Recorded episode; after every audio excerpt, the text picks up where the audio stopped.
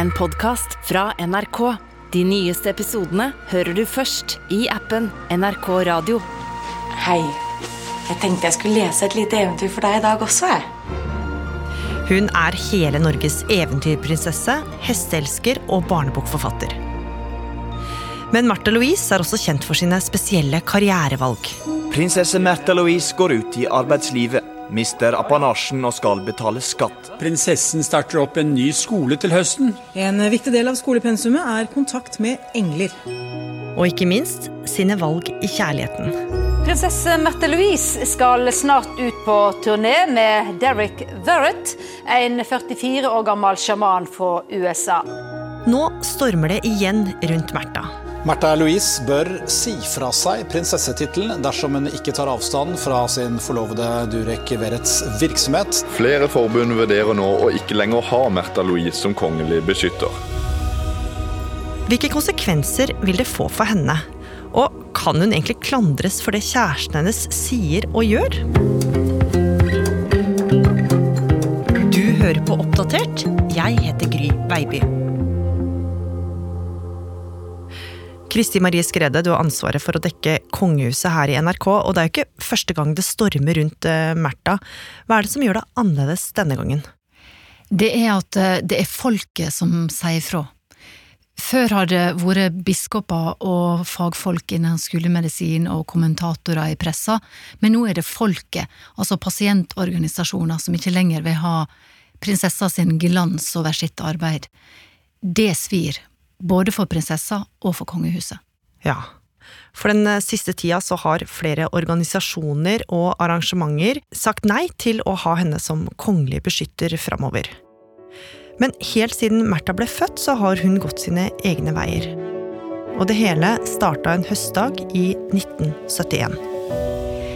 Tidlig om morgenen onsdag 22. september så kjører det en bil ut fra Skaugum, og bak rattet satt kronprins Harald. I baksetet kronprinsesse Sonja med Vea.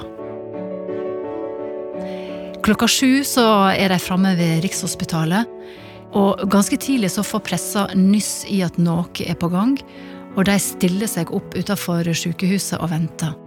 I timevis.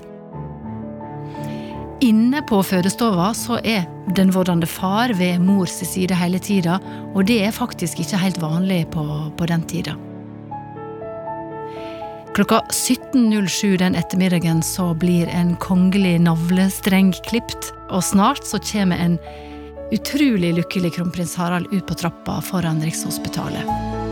Kronprins Harald var til stede under hele fødselen, og da han forlot Rikshospitalet i kveld, kunne han fortelle ventende journalister at hans datter var mørkhåret. Dessuten la han til at hun var 50 cm lang, og at hun veide 3590 gram. Kronprinsen virket trøtt, sier de som så han forlate sykehuset. Han har da også hatt en lang dag.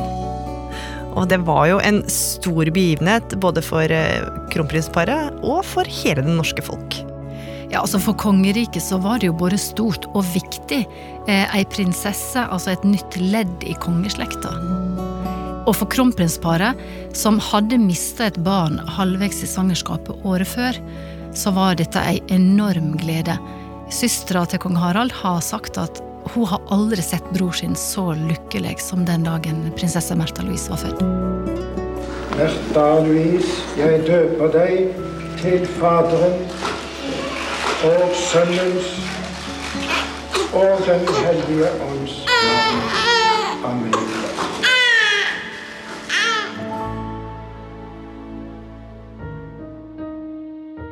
Lille Märtha Louise vokser opp på Skaugum i Asker sammen med mamma og pappa, og etter hvert lillebror Håkon Magnus, som er bare to år yngre enn henne. Og selv om mange i klassen tror at Märtha skal møte opp til første skoledag med krone på hodet, så gjør hun jo ikke det. Tvert imot er kongeparet opptatt av at hun skal ha en skjerma og ganske normal hverdag, med skiturer i marka og fiske om sommeren. Og Kristi Marie Märtha får tidlig en interesse som skal oppta store deler av hverdagen hennes. Ja, Märtha hun vokser jo opp på en gammel herregard med rikelig med kunst på alle vegger, og ett bilde det er et stort, gammelt maleri av en rytter på hest. Märtha er veldig opptatt av eh, dette bildet, og hun drømmer seg bort i, i det hun ser der. Åtte år gammel så får hun endelig lov til å begynne å ri sjøl. Og det skal bli en altoppslukende hobby for henne, for hos hestene så finner hun en helt spesiell ro. Allerede som lita jente, det har hun sjøl fortalt, så kjenner hun at det er vanskelig å leve opp til forventningene folk har til hun som prinsesse. Eh, men i lag med hestene så kan hun være bare seg sjøl, altså Märtha. Og for Märtha så skal jo dette også bli en slags karriere, for det viser seg at hun er skikkelig god på å ri. Etter hvert får hun bli med på stevner rundt omkring i Europa, og rommet hennes hjemme på Skaugum fylles opp av fargerike premiesløyfer. Og det virker som en drøm for en hesteelsker.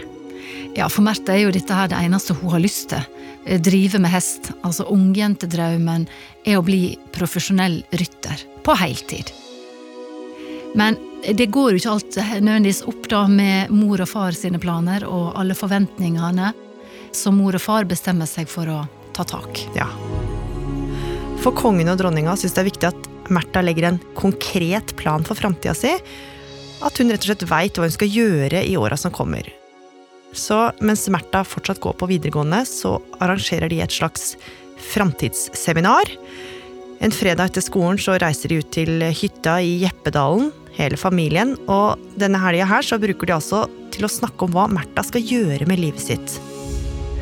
Og hvordan går det? Nei, altså, verken Märtha eller lillebror Håkon, som òg var med på denne hytteturen, er særlig begeistra for å ha ei sånn planleggingshelg. Det har de sagt i intervju mange år seinere. Men de blir jo med og sitter på hytta og diskuterer ulike muligheter. Skal Märtha studere historie, kunsthistorie? Det er flere alternativ på blokka. Målet er å finne rett utdanning for ei kongsdotter som skal balansere et litt kongelig liv med ei yrkeskarriere. Og til slutt så ender de opp med et yrke som alle kan enes om, da, nemlig fysioterapi. Mm. Men Märtha får jo egentlig ikke lov til å bestemme selv da, hva hun skulle gjøre etter videregående. Ja, og hun fikk iallfall god hjelp eh, i prosessen til å, å, finne ut av det. Men hun har sagt i ettertid at hun var veldig glad for at hun studerte fysioterapi og, og fikk den utdanninga. Og på en måte så var det kanskje greit å ha planene klare, for Märthas ungdomstid er i ferd med å nærme seg slutten. Den kongelige prosesjonen kommer gjennom Slottets festsal på vei inn til middagen i kveld. Kong Olav fører selv sin sønnedatter, prinsesse Märtha Louise, til bords. Hun er i kongeblå taftkjole, og hun bærer storkorset av Sankt Olavs orden, som hun er blitt tildelt av kongen til 18-årsdagen. Prinsessa hun fyller 18 år med slottsball og med bil i gave fra Kongelig norsk automobilforbund. Nå er hun plutselig ikke et beskytta barn på Skaugum lenger, eh, fordi at hun er myndig og på papiret da voksen. Det gjør at pressa begynner å følge nøye med på det hun gjør, og ikke minst de skriver om det. Altså, Märtha blir eh, regelrett jaga av pressa. Hun blir fulgt overalt. Alle har alltid et bilde av meg før de treffer meg. Og det syns jeg Hva slags bilde? Og også det at de vil være venninner med meg fordi jeg er den jeg er, ikke fordi jeg er meg. liksom. På en måte så har jeg ikke lyst til at alle skal vite hvem jeg er, hvordan jeg er. Mm, jeg har litt privatliv selv også. Eh, etter videregående så flytta hun til England eh, for å satse på hest i en periode. Og dette er på 90-tallet, da pressefotografer var uvanlig pågående for å sikre seg bilde av Young Royals. Så det Märtha opplever, er å bli fotfulgt. Eh, pressa skriver om kjærester og om flørter. Og venner blir faktisk betalt for å gi opplysninger til pressa. Mm. Dette går kolossalt inn på henne. Og etter ei tid så går hun i lag med veslebror Håkon ut mot pressa og ber om å få, få være mer i fred. Og jakta blir etter ei tid så plagsom at hun, eh, mens hun studerer i Nederland, er så lei og sint at en dag så viser hun fingeren til en fotograf. Ja, hva skjer da? Nei, det sømmer seg jo ikke for ei prinsesse da å vise fingeren. Bildet ender i Se og Hør og VG, og det skaper stor debatt. Og da er det far, kong Harald, som sier i et intervju med Vårt Land at han ikke likte det at hun viste fingeren, men han kan forstå at det blei for mye for han. Ja. Men samtidig som pressen da nærmest fotfølger eh, Märtha og skriver og sladrer i vei om livet hennes, så fullfører hun utdannelsen som fysioterapeut. Samtidig som hun selv tar initiativ til å lese eventyr på barne-TV. Et prosjekt som mange unge TV-seere får stor glede av. Det var en gang en mann som hadde tre sønner. Per og Pål og Espen Askeladd. Og med det så skal jo også prinsessen få litt mer oppmerksomhet, eh, Kristi Maria. Og snipp, snapp, snute. Så var eventyret ute. Ja, altså Etter at hun har fullført studiene, så slutter jo Märtha den profesjonelle, eller den veldig aktive delen av eh, rytterkarrieren sin. Og så begynner hun å fordype seg i den såkalla Rosen-metoden, som er ei alternativ behandlingsform som skal løse opp spenninger i kroppen og, og bidra til sjølutvikling. Eh, dette engasjerer Märtha veldig. Eh, I alternativmiljøet så kjenner hun seg hjemme, hun finner meningsfeller, og hun opplever seg forstått. Og så får hun eh, et nært forhold til en av de hun er på kurs med, Marianne. Mm. Og en dag mens eh, prinsessen er hjemme hos Marianne, så kommer sønnen hennes innom på besøk. Og han er en ganske eksentrisk type med flagrende skjerf og ring i øret. Og så har han en diger tatovering av en terning på den ene overarmen. Ja. Sønnen til Marianne, han heter Ari Ben. La oss nå si at hun kan ha fått seg kanskje da en kjæreste, selv om det ikke er bekrefta. Ja. Mm -hmm. En ubetydelig forfatter. Nja, ubetydelig var vel kanskje litt uh... Det er mine ord, og jeg står for dem. Pressen får raskt snusen i den gryende romansen mellom Märtha og Ari. Men det tar likevel ganske lang tid før de går offentlig ut med at de er kjærester. For han er jo kanskje ikke en helt sånn tradisjonell kjærestetype for en prinsesse? Nei, han er jo eh, en eh, kulturrebell.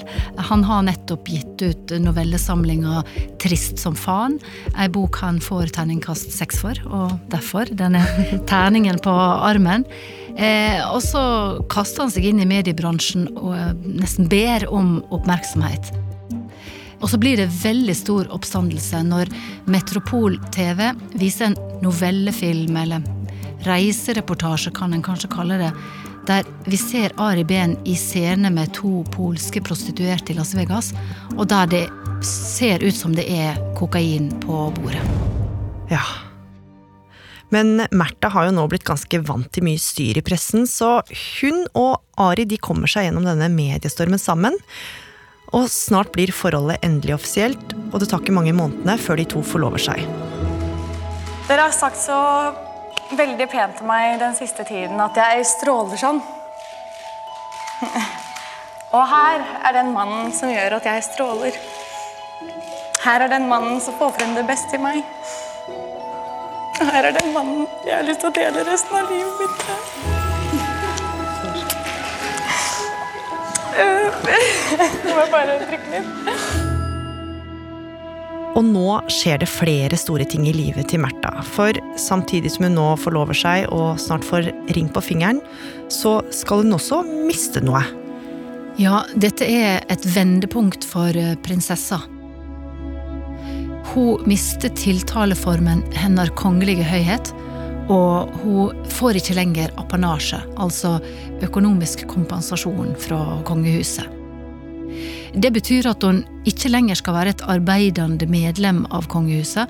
Hun må ut i arbeidslivet og tegne egne penger, klare seg sjøl, og det gjør hun òg. Hun lager et eget foretak som heter Prinsesse Märtha Louises kulturformidling, som hun nå bruker til å ja, gjennomføre egne prosjekt. Og det gjør Märtha. Hun gir ut bøker både aleine og sammen med Ari. De to gifter seg i Nidarosdomen og får etter hvert flere jenter sammen. De neste åra bor familien i både London og New York. Men så, i 2007, er Märtha tilbake i Norge, og nå har hun en helt spesiell nyhet å komme med. Ja, Märtha har fått seg en ny samarbeidspartner, Elisabeth Samnøy, senere Noreng, og de to skal starte en ny skole i lag. Astarte Education, også kjent som Engleskolen. De tilbyr et treårig kurs, eh, eller en slags utdanning, der elevene får undervisning i bl.a. healing, eh, berøring og reading, som er å lese andre mennesker. Ja. Det her høres jo ut som ganske alternative greier, Kristi Marie. Ja, det er jo det òg, for Märtha hun deler jo samtidig med dette at hun har synske evner. At hun alltid har hatt det, altså vært var på ting i rom og skjønt hvordan folk har det før det er uttalt. Eh, hun sier òg at hun har kontakt med engler, eh, og at dette her er ei gave hun har lyst til å dele med andre gjennom den nye skolen. Hun sier jo at hun har hatt evnene helt siden hun var helt liten. Hmm. Men selv om Märtha nå letter hjertet sitt og deler noe hun åpenbart har tenkt og følt på i mange år, så blir jo ikke det nye prosjektet veldig godt mottatt. Engleskolen er nemlig ikke gratis. Det koster 24 000 kroner å begynne der, og det er mange som mener noe om undervisninga. Ja, det blir rett og slett full oppstandelse i pressa. Engleskolen skaper reaksjoner i misjonsmiljøet, som mener prinsessen bør melde seg ut av statskirken. Jeg syns absolutt hun bør uh, vurdere det, fordi det er uh, stor forskjell på kristen tro og et nyreligiøst livssyn som hun nå faktisk markedsfører aktivt.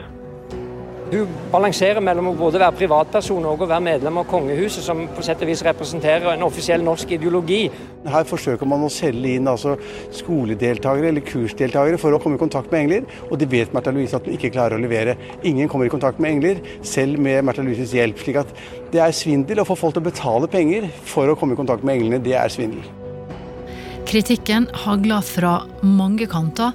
Flere mener at dattera for kyrkja sitt overhoved, som kongen var på den tida, ikke kan fronte alternativbransjen og, og snakke om at hun er synsk og kommuniserer med engler.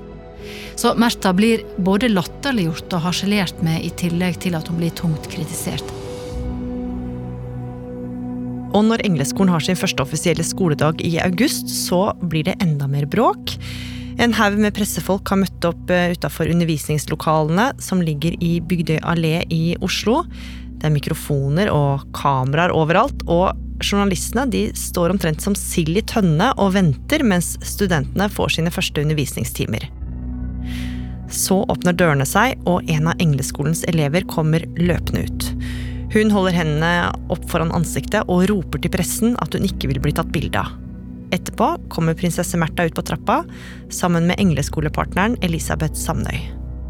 Og nå er det ei prinsesse som er tydelig, bestemt og med lang erfaring med pressa, som står på denne skoletrappa. Hei. Vi har ingen pressekonferanse. Vi kommer ikke til å si noen kommentarer. Eh, dette er helt galskap ifølge mine samfunn, men eh, hyggelig at dere er interessert. Men kritikken stiller jo ikke med det første, for året etter, i 2008, så blir det kjent at den omstridte Engleskolen også holder kurs for barn. Men selv om Märtha nå står i en slags evigvarende storm av misnøye, så holder hun fortsatt hodet over vannet, for hun har ståltro på både Engleskolen og egne evner. Og det skal vise seg at mange andre også har det, for Engleskolen får stadig flere elever, noe prinsessen tjener gode penger på. Millionene renner inn, og i 2014 så får skolen også et helt spesielt besøk fra utlandet. Ja, Engleskolen arrangerer et eget seminar med britiske Lisa Williams, som er et sjølerklært medium. Hun mener at hun sjøl kan kommunisere med de døde, noe som er tema for dette seminaret òg. Mm. Og det er jo noe som skaper en del reaksjoner. Ja, nå blir det bråk igjen. Det er mange som mener at det er helt feil av prinsessa å fronte et sånt seminar. Blant andre biskopen i Bjørgvin, som sier at Märtha må velge. Enten må hun være prinsesse, med alt det innebærer, eller så kan hun samarbeide med kommersielle aktører, som det Lisa Williams eh, tross alt er. Hun kan ikke gjøre begge deler, mener han. Hvordan reagerer Märtha på kritikken? Hun forsvarer seg. Eh, hun svarer på journalister sine spørsmål og sier at eh, sjøl så ser hun ikke poenget med å ta kontakt med døde mennesker, men at hun ønsker å være åpen for det hun sjøl ikke forstår. Altså, hun er rett og slett nysgjerrig og interessert i andre sine evner. Et lite stikk til oss alle. Prinsessen har jo nå levd med pressens øyne på seg i mange år, og det sterke skjoldet hun stadig holder foran seg, skal snart komme enda mer til nytte. For nå går Märtha inn i en vanskelig fase av livet. Prinsesse Märtha Louise og Ari Behn skal skilles. 14 år etter bryllupet kom altså pressemeldingen fra Slottet om at de to går fra hverandre. I august 2016 blir det kjent at Märtha og Ari går hvert i sitt, etter over 14 år som mann og kone. De to er klare på at de fortsatt er gode venner, og at de skal ha delt omsorg for de tre døtrene sine, Maud Angelica, Lea Isadora og Emma Talula. Ja, dette er jo veldig krevende for familien. Det første eh, separasjonen i eh, den norske kongefamilien. Og veldig vanskelig for eh, Märtha og Ari. De legger vekt på at de har prøvd å få forholdet til å fungere i lang tid, men at eh, de rett og slett har vokst fra hverandre, som mange andre par òg opplever. Og det her er jo ikke det eneste bruddet prinsessen skal gjennom, for to år seinere så bryter hun også med sin mangeårige samarbeidspartner Elisabeth. Da er tiden kommet. Vi er ved begynnelsen på avslutningen, eller avslutningen, avgjørelsen er tatt. Vi skal legge ned Salisbury. Engleskolen, som har blitt kraftig kritisert flere ganger, men også fått en haug med trofaste tilhengere, stenger altså dørene for godt.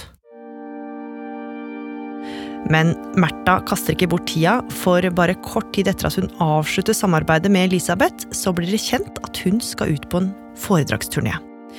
Og denne turneen har fått navnet The Princess and the Shaman, og den nye makkeren hennes er ingen ringere enn den åndelige amerikanske veilederen Durek Verrett, eller Shaman Durek, som han er mest kjent som. Og bare en liten uke før turneen settes i gang, så viser det seg at de to de er mer enn bare samarbeidspartnere. Når en prinsesse får ny kjæreste, så er det en stor eh, nyhet. Eh, Når en prinsesse faller pladask for en amerikansk sjaman, ja, da eksploderer det. Det fikk de erfare til gangs, prinsesse Märtha Louise og hennes kjæreste Durek Verrett, da de denne uken fortalte verden på Instagram at de var et eh, par. Ifølge Durek Verrett sjøl så visste han at han skulle møte Märtha lenge før han faktisk gjorde det. For da han var liten, fortalte mora hans at han skulle treffe den norske prinsessa. Og Märtha beskriver han som si tvillingsjel. I mange år har hun vært den misforståtte prinsessa, ei som blir kritisert og latterliggjort overalt. Men Durek han møter henne på alt. Han forstår henne, han ser henne, og det er klart at de to finner hverandre veldig. Men selv om kjærligheten blomstrer, så er det nok en gang en hær med kritikere som står klare med pisken. Shaman Durek er en kontroversiell type som hevder at han bl.a. har helbreda kreftpasienter, noe som provoserer veldig mange. Og dessuten så er det flere som rynker på nesa over at Märtha nå kobler prinsessetittelen sin opp mot disse alternative foredragene som hun og Durek tross alt tjener ganske gode penger på. Ja, for mange mener at prinsessa og sjamanen bevisst bruker tittelen hennes når de prometerer disse foredragene. Og til og med prinsessa sin lillebror, altså kronprins Haakon, han går ut mot henne. Vi følger med på det som blir sagt og skrevet. Eh, Det som eh, vi ønsker, er jo da å ha en dialog med søsteren min, særlig om det som går på eh, titulering og næringsvirksomhet. Hva syns du om prinsessen sin bruk av tittel kommersielt her? Det er jo det vi ønsker å ha en dialog med søsteren min om. Det nyforelska paret legger ut på turné eh, rundt omkring i landet, samtidig som de prøver alt de kan å holde pressa på avstand. Alt dette fører til at kongefamilien seinere den sommeren bestemmer at prinsessa bare får bruke tittelen sin når hun representerer kongehuset, og ikke i andre sammenhenger. Så ganske dramatisk for Märtha. Og snart så skal det jo bli enda mer trøbbel i paradis. Ja, Først en episode som Durek Verrett senere forklarte med kulturforskjell. Da han som den frittalende amerikaneren han er, la ut på Instagram intime detaljer om sexlivet til prinsessa og han sjøl. Det blei skikkelig oppstandelse, og den posten på Instagram fjerna Durek Verrett eh, seinere. Og som om ikke det var nok, så ombestemmer forlaget Cappelen seg. De som egentlig skal gi ut sjaman Dureks bok Spirit Hacking, de vil ikke gi ut boka likevel, rett og slett fordi de mener at budskapet i den kan være direkte skadelig. I boka skriver Durek annet at kreftpasienter, og det inkluderer òg barn som får kreft, blir syke fordi de tenker seg til det, og også at de i noen tilfeller ikke ønsker å leve. Han skriver òg at ei kvinnes vagina får avtrykk hvis hun ligger med mange menn, og at han sjøl har evna til å fjerne disse avtrykka, altså rense vaginaen. Det her blir jo uh, for drøyt for Cappelen, som ikke kan servere uh, den type bok til et norsk publikum.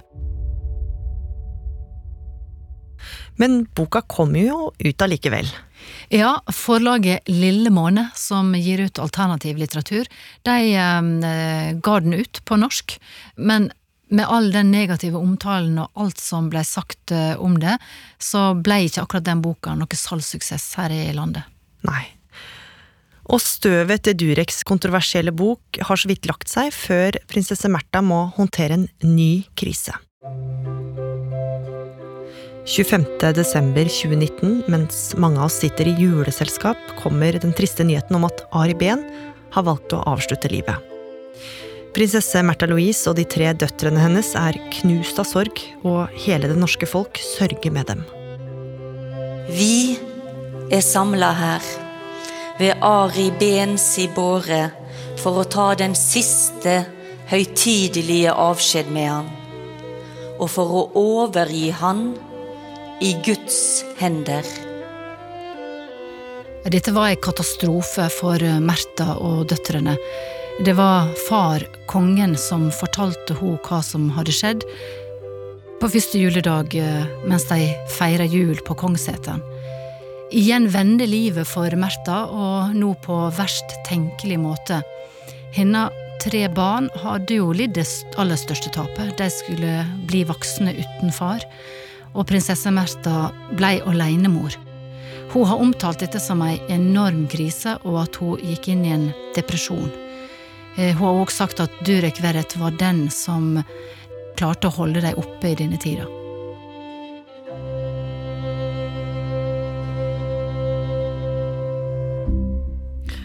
Og mens Märtha og resten av familien sørger over tapet av Ari, så lukkes samfunnet. Koronapandemien tvinger oss til å holde oss hjemme, grensene stenges, og Durek og Märtha får ikke treffe hverandre på mange måneder. Hun sitter i Norge, mens han er i USA. Og nå, mens mange mennesker blir smitta av dette ukjente og skumle viruset, bestemmer Durek seg for å komme med noen egne råd. Han oppfordrer følgerne sine til å lage en egen type desinfiseringsmiddel, samtidig som han hevder at et såkalt muntlig verktøy kan gi økt beskyttelse mot viruset. Og rådene hans det får mange til å heve øyenbrynene. Ja, flere leger går ut og kritiserer sjaman Durek for å spreie villeiende og potensielt farlige råd. Og samtidig så har en av Märthas samarbeidspartnere, Epilepsiforbundet, gått i tenkeboksen. For Märtha har vært kongelig beskytter for dette forbundet i fem år, eh, og nå er tida inne for å enten fornye eller avrunde denne relasjonen. Som kongelig beskytter så har Märtha hatt et spesielt ansvar for å stille opp på Epilepsiforbundet sine arrangement, og for å eh, støtte dem og spre oppmerksomhet til deres arbeide. Men som følge av alt rabalderet rundt Durek, og spesielt disse rådene han gir, så velger nå Epilepsiforbundet å ikke fornye dette kongelige beskytterskapet. De ønsker nemlig å fronte klassisk skolemedisin, og Durek sine uttalelser strir rett og slett med verdiene deres. Ja, men siden det her skjer mens koronaen herjer som verst, så er det jo egentlig ingen som får vite om det, i hvert fall ikke i pressen. Bruddet med Epilepsiforbundet det forblir en hemmelighet, mens Märtha og Durek kjemper seg gjennom pandemien i et ufrivillig avstandsforhold. Men det skal bli verdt det, for i juni i år så kan de to igjen dele gledelige nyheter. Prinsesse Märtha Louise og Durek Verrett har eh, forlova seg. Kong Harald og dronning Sonja gratulerer de nyforlovde. Nå har han fridd, og hun sagt ja. Det er duka for prinsesse- og sjamanbryllup. Prinsessen stråler av lykke på bildene hun legger ut på Instagram. Med fall i håret og velpleide negler så viser hun fram den store, grønne ringen på fingeren. Men lykken får raskt en solid ripe i lakken, Kristi Maria. Ja, for paret forteller ganske fort at de opplever å få eh, mange negative, hetsende kommentarer etter forlovelsesnyheter. Durek Verret forteller om rasistiske kommentarer, og opplever at eh, nordmenn eh, uttaler at de ikke ønsker en, en mørkhuda person i kongehuset. Det er dramatisk for paret, og dette forteller de om i egne kanaler på Instagram, og det gir enda flere oppslag eh, om paret. I think a lot of our relationship and why people have such a, an issue with it and why people write all this hate and, and death threats to us and all this stuff for being together. Because one, they don't want to see a black man in the royal family. Second, she's a female. Uh, it's different when a when a royal prince chooses uh, a, a woman of color because it's like, oh, he's a man. Of course, he can choose whoever he wants. But for a princess to choose a man of color has never been done in history. Men til tross for eh, de grusomme kommentarene, så står Märtha og Durek stødig sammen. De kjemper seg gjennom det, og da prinsesse Ingrid Alexandra feirer 18-årsdagen sin i midten av juni, så møter de opp sammen, arm i arm. Märtha smiler fra øre til øre, tydelig veldig forelska, og Durek han står rakrygga ved siden av henne. Ja, for nå er de forlova, og da er han hennes framtidige ektemann og en del av familien. Og da har han sin plass ved hennes side i offisielle familiære sammenhenger, som denne 18-årsfeiringa var. Men samtidig så får dette hyggelige norgesbesøket en liten bismak, for Durek kan bli smitta av korona i løpet av reisa. Han blir helt frisk av viruset, men ikke helt uten komplikasjoner. For ifølge Durek selv så blir han så dårlig at mange råder ham til å få hjelp på sykehuset. Men istedenfor å kobles til en pustemaskin, forteller Durek at han velger å stole på åndene rundt seg, som han mener jager vekk koronaviruset. Han forteller også at han får hjelp av en helt spesiell medaljong. Og denne koronakurerende medaljongen kan også kjøpes på Dureks hjemmeside til den nette sum av 2000 kroner. Og nå begynner det virkelig å toppe seg med kontroverser for Märtha og Durek. Til og med fra regjeringsnivå her hjemme så blir Verret kalla sjarlatan, og påstandene hans for farlige. Igjen blir Durek Verret skylda for å berike seg på sårbare mennesker sin lengt etter bedre helse. Kongen og dronninga, som så langt ikke har sagt så mye om den kommende svigersønnen sin, de forstår at eh, de er helt nødt til å uttale seg offentlig. Så når de reiser til Møre og Romsdal på offisielt eh, fylkesbesøk og møter pressa, så vet de at både NRK og NTB vil stille spørsmål om all uroen. Vi er i prosess, og dette kommer til å løse seg etter hvert. Men en utfordring er det for kongehuset? Nei, det er ikke noen utfordring i det hele tatt, egentlig. Han Det er stor, stor forskjell å være i Amerika og være i Norge, tror jeg. Men selv om kongefamilien strekker ut en hånd til sin nye svigersønn, så får de kanskje ikke den dialogen de ønsker. Iallfall ikke umiddelbart, for i stedet for en familiær prat, så velger prinsessa og Durek Verret å snakke ut på TV 2, og de følger opp med mye uttalelser på sosiale medier. Eh, Det kommer fram at eh, samtalen med kongeparet ikke er gjort når dette skjer. Hmm. Og Epilepsiforbundet, som egentlig ikke hadde tenkt å fortelle at de har brutt samarbeidet med Märtha, de må svare bekreftende når NRK spør. Da forteller de at det er alle skandalene rundt Durek som er bakgrunn for valget. Og snart begynner sjamanfrykten å spre seg. Flere pasient- og brukerorganisasjoner vurderer å avslutte samarbeidet med prinsesse Märtha Louise. De reagerer på at hennes forlovede Durek Verrett bl.a. hevder at en medaljong hjalp ham med å bli frisk etter koronasmitte. Plutselig skjer ting veldig fort. Foreningen for muskelsyke, der Märtha har vært kongelig beskytter, bryter samarbeidet bare noen dager etter at det blir kjent at Epilepsiforbundet har brutt. Revmatikerforbundet kan fortelle at også de er usikre på framtida med Märtha, mens flere andre, som Norges Døveforbund og Norges Blindeforbund, gir prinsessa full støtte. Men hva med Märtha selv, Kristi Marie? Hva gjør hun oppi alt dette her? Nei, Märtha sjøl vil ikke si noe som helst, iallfall ikke svare på spørsmål fra pressa. Er dialogen med foreldrene dine om du Durek Verret i gang? Det er så fint å være her nå på hundeskolen eh, Veiviseren og det nye bygget her. Utrolig fint å se. Så nå har det virkelig tilspissa seg, men Kristi Marie, vi lever jo i et likestilt samfunn. Hvorfor skal Märtha klandres for det forloveden hennes sier og gjør? Ja, si det. Eh, Her er jo meningene delte. Eh, For det er jo slett ikke Märtha som har sagt alt dette her om medaljong og hva sjamanistiske metoder kan kurere. Eh, Så mange mener jo at det er urettferdig og gammeldags å stille henne til ansvar for det. Men på andre sida så er det jo noe som heter den som teier samtykke. Märtha har ikke vært klar om hva hun mener om disse mest kontroversielle spørsmåla, slik som hun for eksempel gjorde i 2014 da hun samarbeidet med Lisa Williams. Eh, Så vi venter kanskje på at Märtha skal gå ut og avklare hva hun står i alt dette. Mm. Men den stormen som har vært den siste tida, hvilke konsekvenser vil den kunne få for henne? Det kan føre til at hun får enda færre plikter for kongehuset. Det er spennende å se. Det er vanskelig å si hvordan dette ender. Det er en prosess. Det gjentar kongehuset om og om igjen.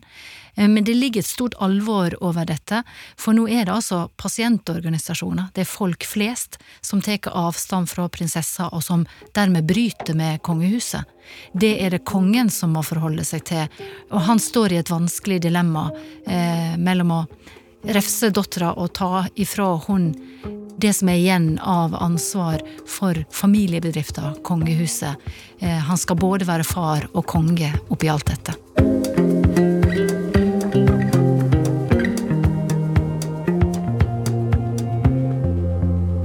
Oppdatert er en podkast fra NRK Nyheter. Og de som har laga denne episoden, det er Line Orfjell. Lars Hægeland. Andreas Berge. Pål Gauslo Sivertsen. Og meg, Gry Veiby.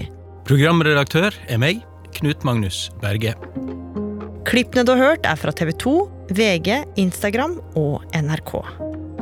Har du tips eller innspill, så send oss gjerne en e-post på oppdatert krøllalfa nrk.no. Og liker du det du hører, så blir vi veldig glad om du vil tipse en venn eller to om oss. I podkasten Popkorn og politikk. Elisabeths kongehus gjennom 70 år! Det blir det historie av. Ja, det har vært noen skandaler. There's a slight problem with, with, with, with, with the sweating because I don't sweat. Og triumfer!